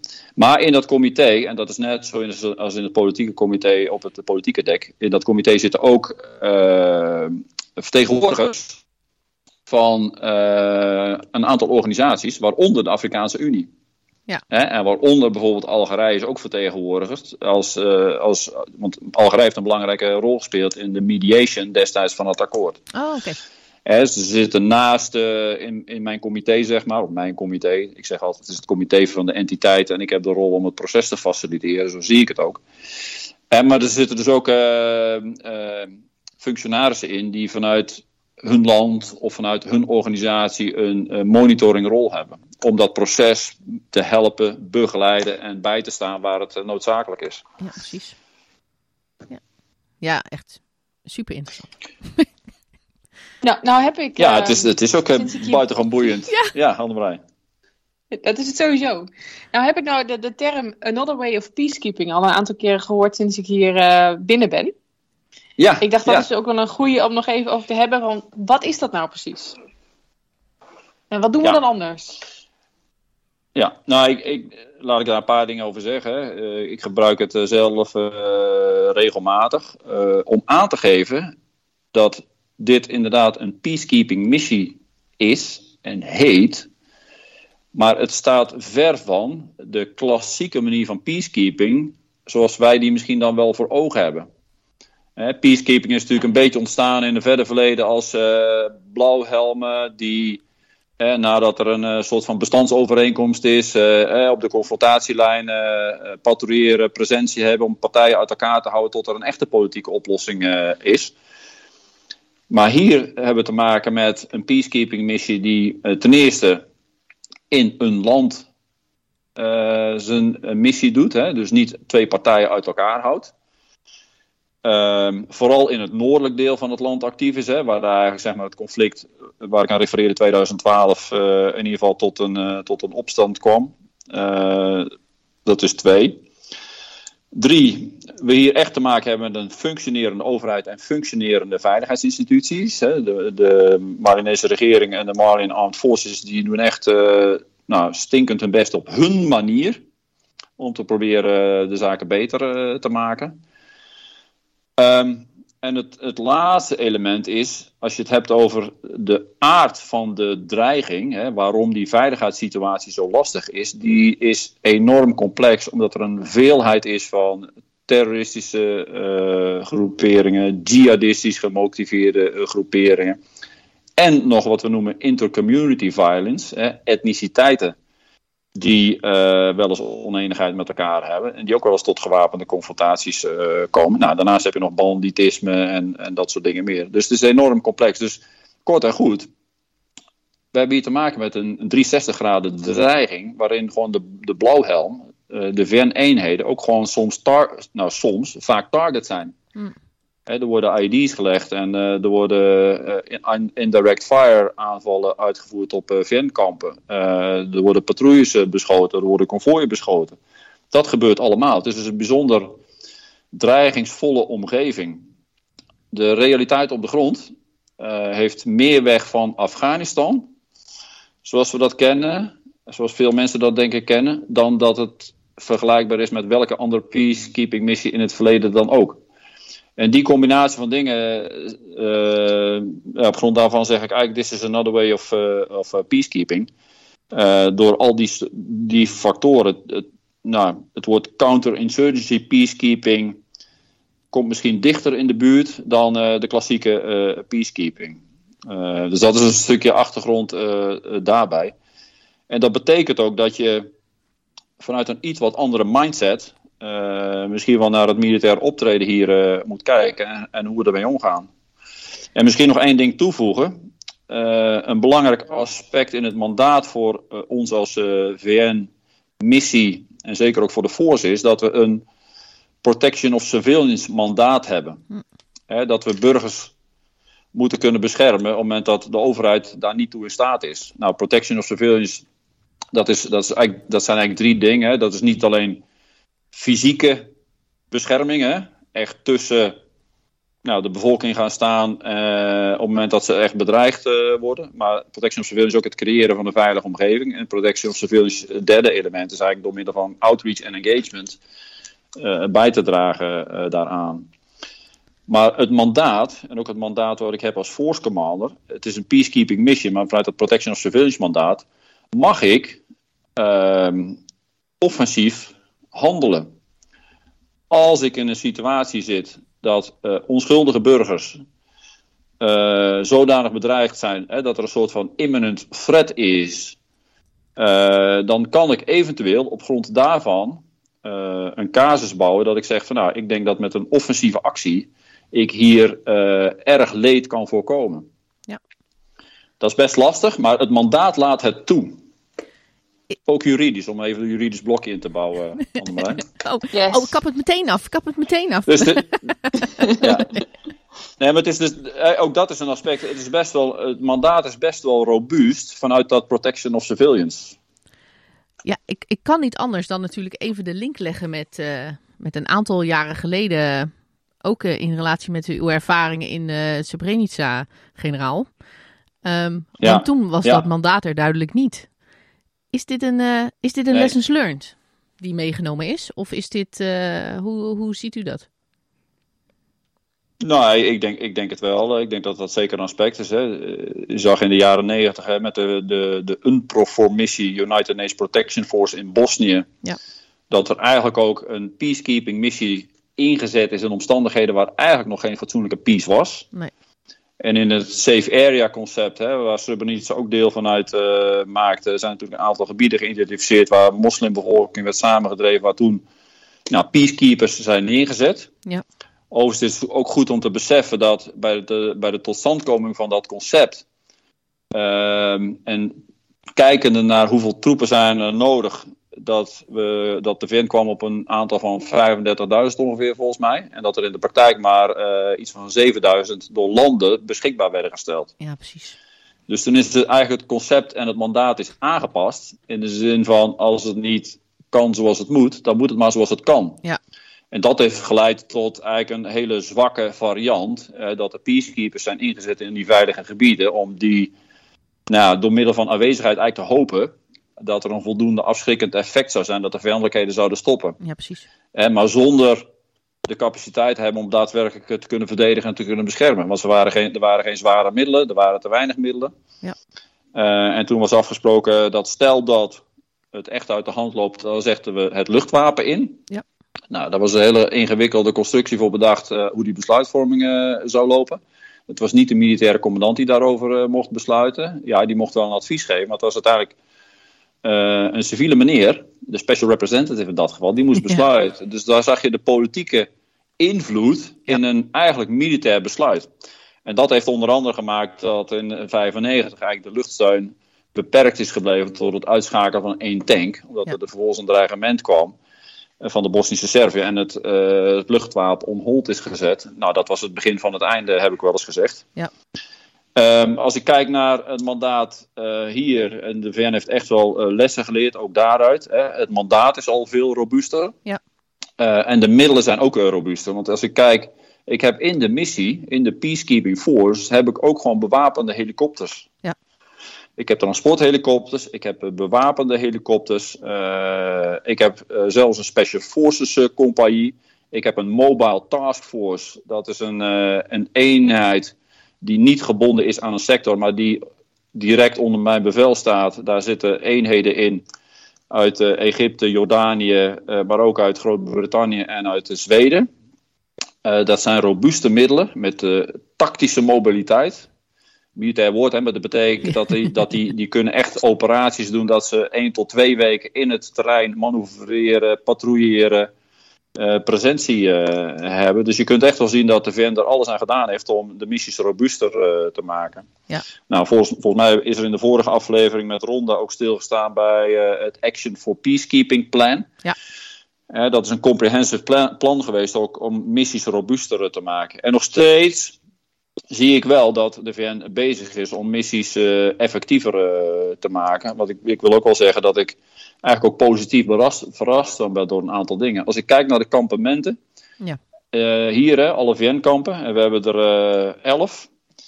En de technologische middelen die de VN gewoon aangekocht heeft om te helpen die kampementen te beschermen. Camerasystemen, counter-rocket en mortar systemen. Dan denk ik van, nou ja, de VN doet dat dan toch maar. Ja. Eh, en we zitten nu in de fase dat we counter-UAS-middelen, eh, unmanned aerial systems, drones, Ja, eh, dat, dat er een contract is, ook door de VN gesloten, met eh, spulletjes waarmee we ons beter kunnen beschermen tegen dronesysteempjes die misschien kwaad willen doen. Dus ik vind dat wel voorbeelden dat de VN echt wel geleerd heeft en dat de VN echt wel bezig is om zijn missies effectiever te maken, beter te equiperen. blijft natuurlijk altijd nog de afhankelijkheid van eh, landen en de bereidheid van landen om troepen bij te dragen. En de kwaliteit aan spullen en de kwaliteit aan training die ze meebrengen. En dat soort dingetjes eh, meer. Eh, maar de VN heeft echt wel stappen gezet, vind ik. Ja, dat, ik vind het goed om te horen. Ik denk, eh, ik, ik, ja. Annemarie? Ja, ik heb, eh, ja ik, we zijn al natuurlijk al een tijdje aan het praten. Dus ik, ik heb eigenlijk een laatste vraag. Als Deborah niet nog eh, iets anders op de lijstje heeft staan. Ik heb nog van alles op mijn lijstje staan. Mag allemaal, hè? Ja, dat zal. Nou, Anders moeten we een deel 2 gaan maken. Ja, precies. Dat, maar dan moeten we ons focussen op de een- cultuur. En de verschillen in cultuur. Ja, want daar wil ik eigenlijk, Ja. precies, want daar heb ik eigenlijk nog een laatste vraag over. Ja. Ja, want we hadden het al heel even over die multinationaliteit. En ik heb in ons eh, eh, Ja. eerste deel van deze aflevering heb ik al wat landen benoemd. Nou, net kwamen er ook al een aantal voorbij. En waar we eigenlijk nog wel benieuwd naar waren van, nou, hoe is dat nou om force te zijn van, nou, bijna 60 landen zijn het, hè? Ehm, en, Ja. ehm, en nou, ik heb natuurlijk al gezien dat er ook best wel wat bezoeken zo plaatsvinden. Ja, en hoe is dat nou Ja. om, ehm, om, dat, om dat te leiden? Hè? Om daar eigenlijk dan toch de eindbaas van, van het voorsdeel eh, van te zijn? En, eh, en wat is nou het meest opgevallen? Ja, hoe bereidt u zich nou Ja. voor? Nou, goede vraag. Nou ja, eh, A, begint het met, eh, als je het hebt over voorbereiding. Ik heb natuurlijk wat andere missies mogen doen. Hè. We besteden al in onze missies, dat kennen we in Nederland, hè, aandacht aan cultural awareness en dat soort dingetjes meer. Daar kijken we overigens vaak naar de cultural awareness over het land waar we naartoe gaan. Hè. Mijn, mijn takeaway vanuit Afghanistan was ook, waarmee ik, eh, in Afghanistan had ik zes nationaliteiten in de taskforce Uruzgan. Ja, we vergeten wel eens ons voor te bereiden op een stukje cultural awareness van coalitiepartners. De hele en, ja. Ja, en dat waren dan over het algemeen nog eh, NAVO-landen of NAVO-gelieerde landen. Dus dat zijn nog redelijk like-minded landen. Eh, maar cultuurverschillen heb je. Als je kijkt naar de Duits-Nederlandse samenwerking, die natuurlijk binnen de landmacht heel erg intensief is en ook heel erg eh, goed is en van een hoog niveau is. Maar er zijn natuurlijk ook culturele verschillen. Nou, die zijn er altijd tussen landen. Nou, hier heb ik eh, 60 nationaliteiten in de force van over de hele wereld. Dus de range aan culturele verschillen die is nog veel groter dan binnen de NAVO. Nou, ik heb, ook- ik heb, ik heb ook binnen de NAVO gewerkt. Hè, maar ook echt binnen de NAVO, die, die cultuurverschillen en die soms net andere manieren van denken, dat is voor de NAVO ook best wel lastig om daar hè, samen te komen tot een eenheid van opvatting. Nou, dat is EVN-verband ook eh, zo. Maar die 60 nationaliteiten, ehm, dat is een uitdaging, maar ik zie het als een kracht. En ik zal ook vertellen eh, waarom. Eh, ten eerste heb ik, ik heb alle perspectieven in eigen huis. Ja. Als ik hier naar het probleem kijk, eh, dan kan ik daar met mijn eigen bril naar kijken. En dat is dan een, een VN-bril. Hè. Ik ben een VN-functionaris. Maar ik ben natuurlijk ook Nederlander en ik heb wat ervaring, breng ik mee. Maar ik vind het ook wel interessant te horen om van anderen mijn Senegalese deputy of een stafofficier uit eh, Burkina Faso, hè, buurland, of een stafofficier uit Niger, buurland. Van hoe kijk jij daar nou naar?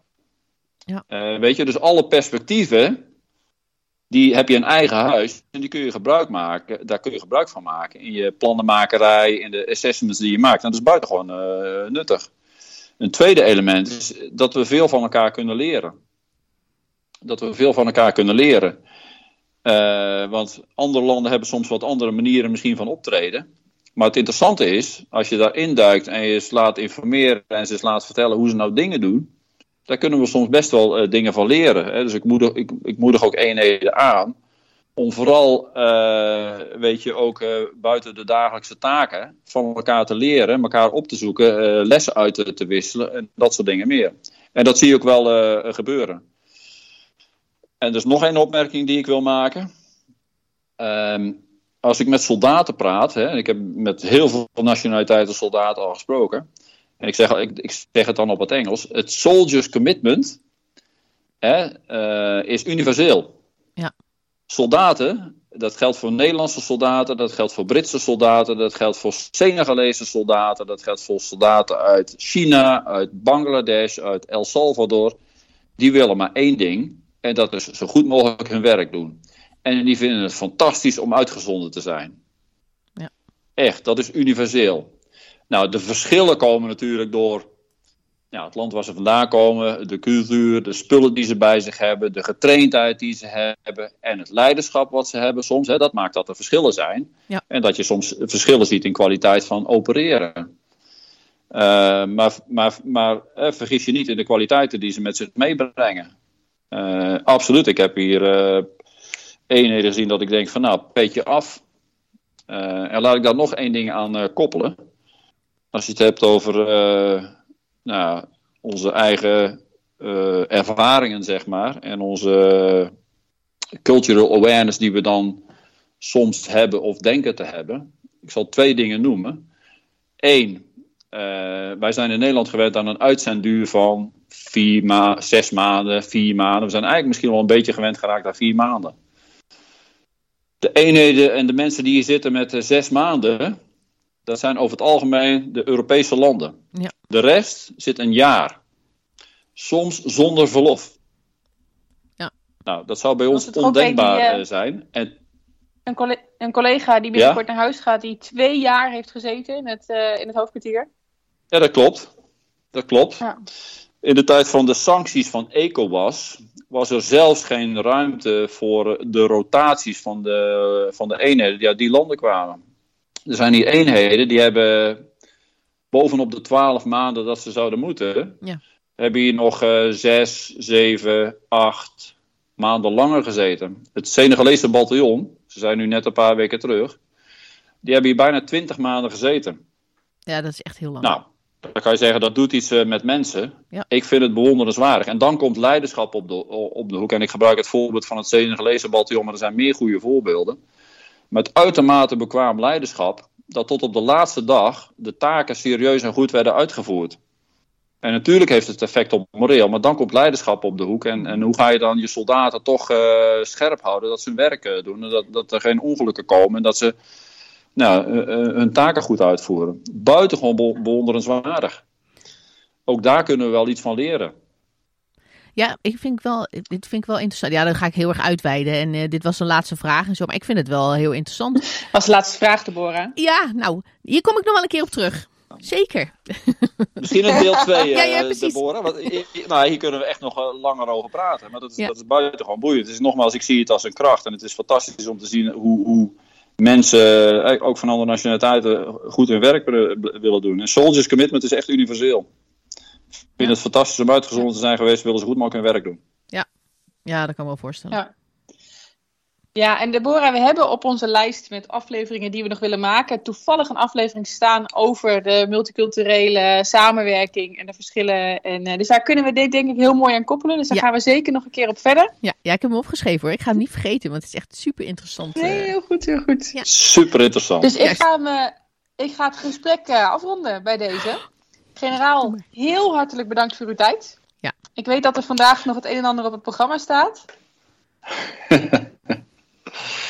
Ja, daar heb jij wel voor gezorgd, eh, onder andere. ik Nee, natuurlijk, er is, er is nog het nodige te doen. Maar ik vond het heel leuk om dit eh, te doen. eh, en dit gesprek met jullie te hebben. Ik hoop dat het bijdraagt ook weer aan een, een klein stukje beeldvorming eh, voor de mensen die hier naar eh, luisteren. Absoluut. En laat ik dan ook even de gelegenheid nemen om jullie complimenten te maken voor de, kop- voor de podcast. Dank u wel. Nou. Omdat, nee, maar omdat ik vind jullie, jullie eh, eh, snijden onderwerpen aan die soms misschien voor de hand liggen, die met actualiteiten te maken hebben. Maar ook wel eens onderwerpen die we niet zo vaak of misschien wel helemaal niet publiekelijk eh, bespreken. Ehm, en dat doen jullie op een manier waar echt wel een serieuze toon in zit. Ehm, maar ook eh, met een lach en een knipoog eh, af en toe, wat het heel toegankelijk maakt. Dus eh, complimenten. Nou, dank u wel. Nou, heel, heel hartelijk bedankt. Leuk om te horen. Zeker. En ehm, heel veel succes. Eh, nou, wij gaan elkaar natuurlijk verder nog heel veel spreken de komende maanden. Maar eh, eh, Ja. in ieder geval eh, heel veel succes nog met deze mooie uitdaging. En nou, hartelijk bedankt voor de medewerking aan, aan deze aflevering. Ja, jullie allebei Graag heel gedaan. fijn. Ja, heel veel succes hè, de komende tijd die, eh, die nog voor jullie ligt daar. Gaan we doen, Deborah. Dankjewel Dankjewel. hoor. Groetjes. Nou, een generaal eh, heb ik weer naar zijn volgende afspraak eh, gestuurd. Ja, precies. Hup, weer aan, En Het is- eh, dus, ja. Ja, aan het werk. aan het werk. Hop. Ja. ja. Ze zaten allemaal weer te wachten, dus ja. Heel goed. En ehm, ja, heel, heel goed inderdaad. Maar eh, nee, even terugkomen op. we zijn natuurlijk begonnen met ons voordeel voor deze aflevering. Hè, de vergeten missie, net met de generaal ook besproken. Ja. Nou, ik denk wel dat, er, dat we genoeg hebben besproken wat ertoe leidt om te, dat ik kan zeggen: dit is onterecht een vergeten missie.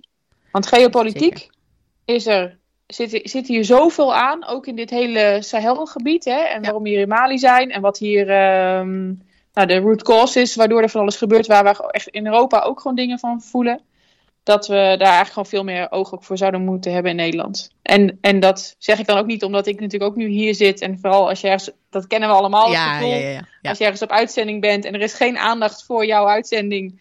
Dat voelt altijd een beetje vervelend. Ja.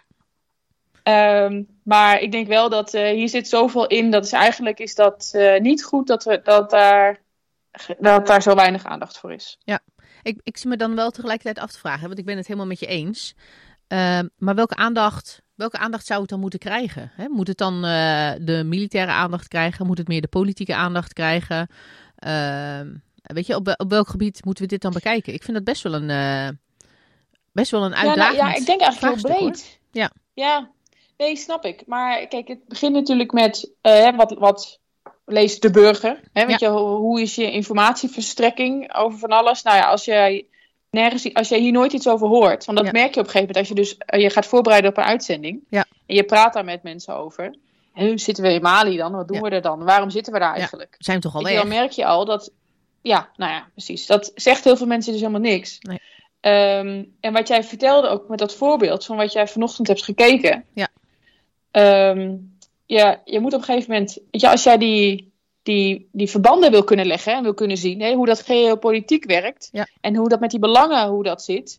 Dan is het goed dat jij geïnformeerd wordt. Weet je wel? En dat daar dus ook gewoon in de media, dat jij dit soort dingen hoort, zodat jij ook die informatie krijgt van hé, hey, maar daar, daar speelt gewoon veel meer. Het is niet alleen maar de eh, postzegel Oekraïne. Nee, precies. Het is veel groter dan dat. Ja. En, en, en dit is wat er allemaal gebeurt. En dan dus de politiek raakt daar natuurlijk dan heel snel aan. Ja. En dat er een bepaald belang wordt gezien om bijvoorbeeld een bijdrage te doen aan een missie. Op welke manier dan ook. Hè? Of in, Ja. in een civiele tak of in een militaire tak. Of ehm, hè, eh, wat voor manier dan ook natuurlijk. Ja, ja, ja. Eh, we hebben nu, als Nederland heb je dan, eh, we hebben dan een voorstcommando voorgedragen. Dat is natuurlijk echt een gro- grote positie. Ja. Nou, dan denk ik ook van, nou, dan moet je als Nederland ook zeggen, eh, ja, we hebben daar, we hebben daar gewoon een levensgrote generaal, eh, zetten we daar neer. Dat, doen, dat is een formele voordracht. Ja, hebben we ook als Nou, Nederland dan- ons best voor gedaan om dat zover te krijgen? hè? Want nou, dat is natuurlijk daar een. wordt voor gelobbyd. Hè? Daar wordt, inderdaad, daar Ja. wordt er hard aan gewerkt. Dan hebben we dat voor elkaar. Dat is een positie die je niet zomaar krijgt. Hè? Dat is echt eens in de zoveel tijd dat je zo'n positie vervult, ook als land. Ja. Nou, dan laten we daar dan ook ehm, De passende aandacht ja, aan geven. alles uithalen. Ja. En aandacht aan geven. Dus dat, ik snap dat niet zo goed, dat we dat niet doen. Ehm, Want ik denk dat je daar in je, nou, ook, ja, maar ja, eh, zowel buitenlandse zaken, ontwikkelingssamenwerking, defensie, al die verschillende kanten, Ja. alle, van alles zit er wel iets in. Ja, eh, nou ja, goed. En of we daar nu wel of niet iets echt aan doen, het is in ieder geval niet zichtbaar dat dat. Wat, als we iets doen, dan, dan zien we het niet. En we horen het ook niet. Laten we dat eens vooropstellen. Nee. Het komt niet terug in de media, nee. Nee. Ik vind het wel een eh, goed onderwerp om eens eh, met iemand eh, over te praten, Annemarij. Een zeker iemand. Een ik zeker heb ook iemand in gedachten daarvoor. Oh ja? Wie, Een zeker iemand. wie zou jij hiervoor willen strikken? Nou, ik denk een zekere minister van Defensie. Nou, ik denk zeker dat we op één lijn zitten, Annemarij. Die gaan we eens even. Oh, nou, dan gaan we dat eens, Oeh, gaan we dat eens even cliffhanger. proberen. Juist, een cliffhanger voor later. Oeh. Dat is wel heel goed, ja. ja. Maar Ja. even terugkomen op Ja. cliffhangers, hè? Ja. Want eh, ik mocht natuurlijk niet eh, de discussie starten over die culturele Over verschillen. die en, cultuurverschillen. eh, ja, en dat wat Ja. natuurlijk de generaal terecht zegt, hè, over de waardering die hij heeft voor landen die eh, een jaar zitten. Of misschien soms wel hè, dat Ja. Sene- Senegalese, Senegalese bataljon. Ja, ik zeg het goed. Mhm. Die dan eh, na twintig Ja. maanden daar zit. En ja, dat je dan moreel hoog moet Ja. houden. En dat het dan aankomt op leiderschap. En denk ik, ja, dat is allemaal waar. Maar dat is alleen maar nodig omdat het onnatuurlijk is om mensen zo lang van huis en haard eh, ergens eh, in een oorlog te Ja. plaatsen. Wel, in een oorlog zou ik nog kunnen voorstellen als je echt in een totale, weet je, want dan, dan dat is ander. Maar als je dus Mhm. in een peacekeeping operatie zit, hè, in een another way of peacekeeping operatie zit, dan Ja. is toch de Dan noodzaak geroteerd worden. Juist, Ja. om twintig maanden erg te zitten, is dan toch, zou je denken, minder groot dan wanneer je eh, daadwerkelijk in, in oorlog bent. Of in een, in een grootschalig conflict eh, zit. Waardoor het inderdaad heel logisch is. Want je bent, je bent hè, binnen in het gevecht. Hoewel ik dan ook relaties verwacht. Want hoe lang kun je een mens in, in een abnormale Ja, situatie neerzetten? Ja. En dan kunnen we Nee, het wel klopt, weer gooien klopt. op dat je- leiderschap. Maar eh dank je de koekoek.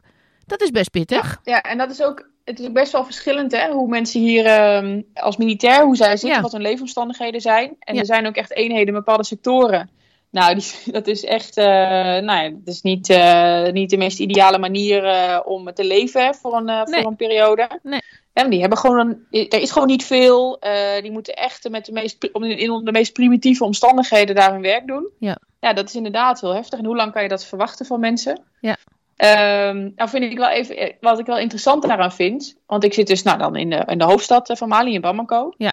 Nou, daar hebben we het gewoon eigenlijk heel goed eh, als je het vergelijkt met de rest van het land. Het is hier Ja. ook het veiligst in heel Mali. Ja, je kan gewoon op straat, je kan gewoon op straat lopen. Ja, en- wij mogen, niet, ja, wij mogen niet overal komen, maar dat zijn dan ook dan weer de regels die dan door de VN worden afgekondigd. Ehm, je mag ook niet. Ja, toen ik aankwam moest ik eerst een paar dagen in een hotel. Nou, daar hebben ze een, vast, een vastgesteld, ja, een bepaalde, bepaalde hotels die dan veilig genoeg zijn. Ja. Eh, ik mag hier in het wijkje mag ik wel lopen, maar dat is omdat overal hier bewaking is. Dus Ja. dat is relatief veilig. Maar Ja, want jullie slapen niet een op het hoofdkwartier zelf, hè? nee, jullie nee, wonen een ergens anders. gezamenlijk met de... Ja. Ja, ja, ja, precies. Ja.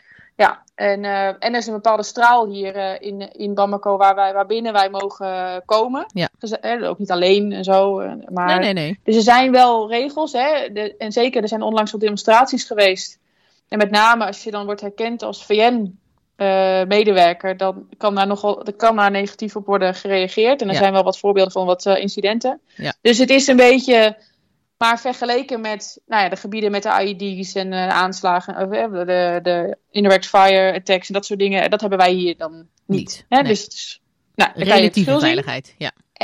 Exact. En de leven, leefomstandigheden en werkomstandigheden, ja, die zijn gewoon natuurlijk prima. Weet je, we wonen allemaal gewoon in een huis met airco. Eh, het kantoor is ook, eh, het zijn allemaal van die, beetje van die containersachtige situaties waar je gewoon een prima plekje met, ook met een airco hebt. Ja.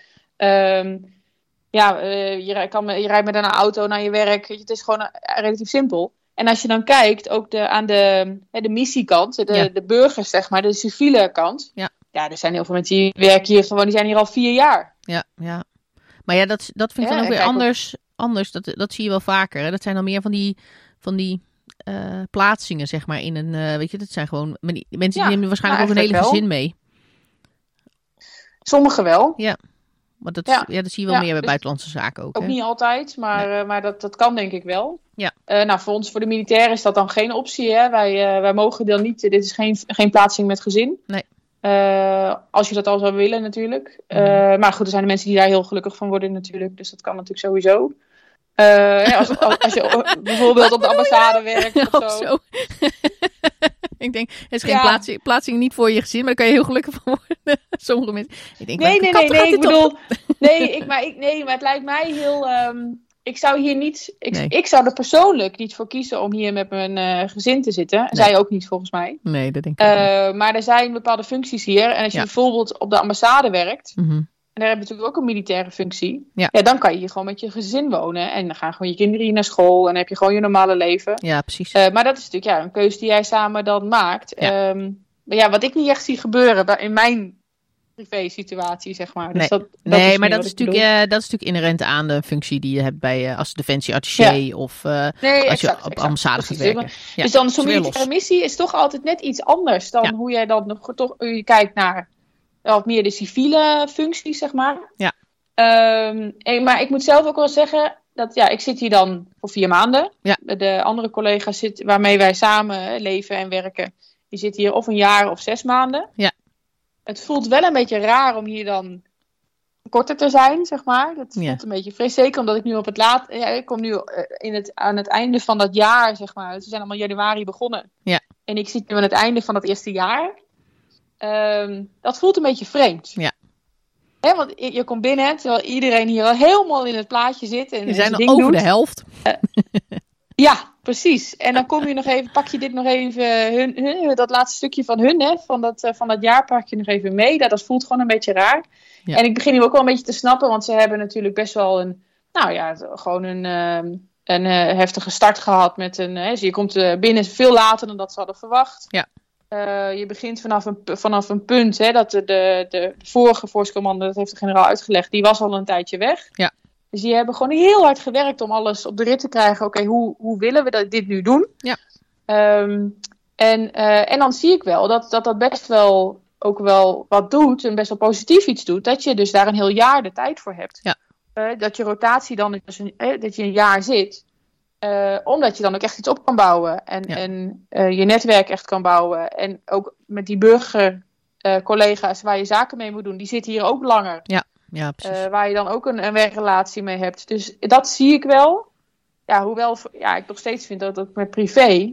Vind ik een jaar lang op- uitzending vind ik heel erg lang. ja, vind ik ook. Ja, ja vind ik, weet je, het is, en ik vind het dat heel hoor. lastig voor mezelf. Ja. ja. Ja, ik vind het een lastig onderwerp. Maar ik vind het wel een goede om, om nog een keertje over door, eh, over, Ja. door, over Leuk. door te gaan. Maar dat, dat is een andere keer, een andere keer. ja, daar komen we nog wel een keer Ja, op. want ik denk voor nu, uh, Annemarij, als er nog mensen zijn die dit laatste stuk uh, zijn uh, blijven aanhaken, of voor de, voor de derde er keer, juist voor de derde keer, de podcast weer aangezet hebben, denk ik wel dat, we dat een, een, dat we in de afronding moeten gaan komen. Denk je niet? Ja, dat denk. Ja, dat eh, zou goed zijn. Ja, ik, Ja. uh, ik, ik vond het heel fijn dat jullie uh, de tijd hebben vrijgemaakt om uh, deze podcast op te nemen. Af en toe uh, zal het best wel Ja, te horen zijn geweest dat we op afstand hebben gezeten.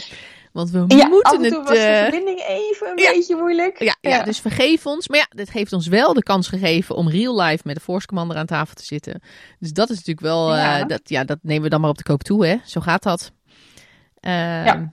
Maar ik denk, wel, uh, ik denk wel genoeg stof tot nadenken. En ook genoeg inspiratie uh, voor Absoluut. eventuele vervolg. uh, ja, podcastmomenten, afleveringen.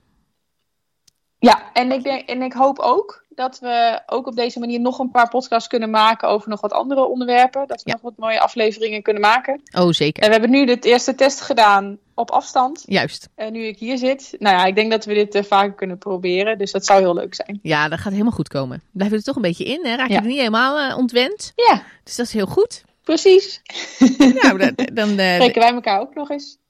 Nou, dat kan ook zonder de podcast wel. Tegenwoordig, Oh ja. met al die communicatie. Man, man, man, man. Man. Nee, maar dat is zo, goed. Dat is ook zo. Ja, ja. Maar Ja. eh, Leuk. nee, hartstikke leuk. Hartstikke leuk. Dus als onze luisteraars denken, hé, hey, dat is leuk. Ik wil Anne-Marie een beetje een eh, hart onder de riem steken. Laat een berichtje achter op, eh, op, onze, op onze Instagram pagina Klapmok met thee. En anders stuur gewoon een Oh, dat mailtje. dat komt ook bij haar terecht. Klapmok met thee. Voor alles wat je kwijt wil aan ons. En natuurlijk even dat extraatje van Ja. Anne-Marie. Anne-Marie, heel veel plezier daar. Ja. En ik- ja, dankjewel. En iedereen bedankt weer voor het luisteren. Ja. En ehm, tot de volgende keer. tot de volgende keer.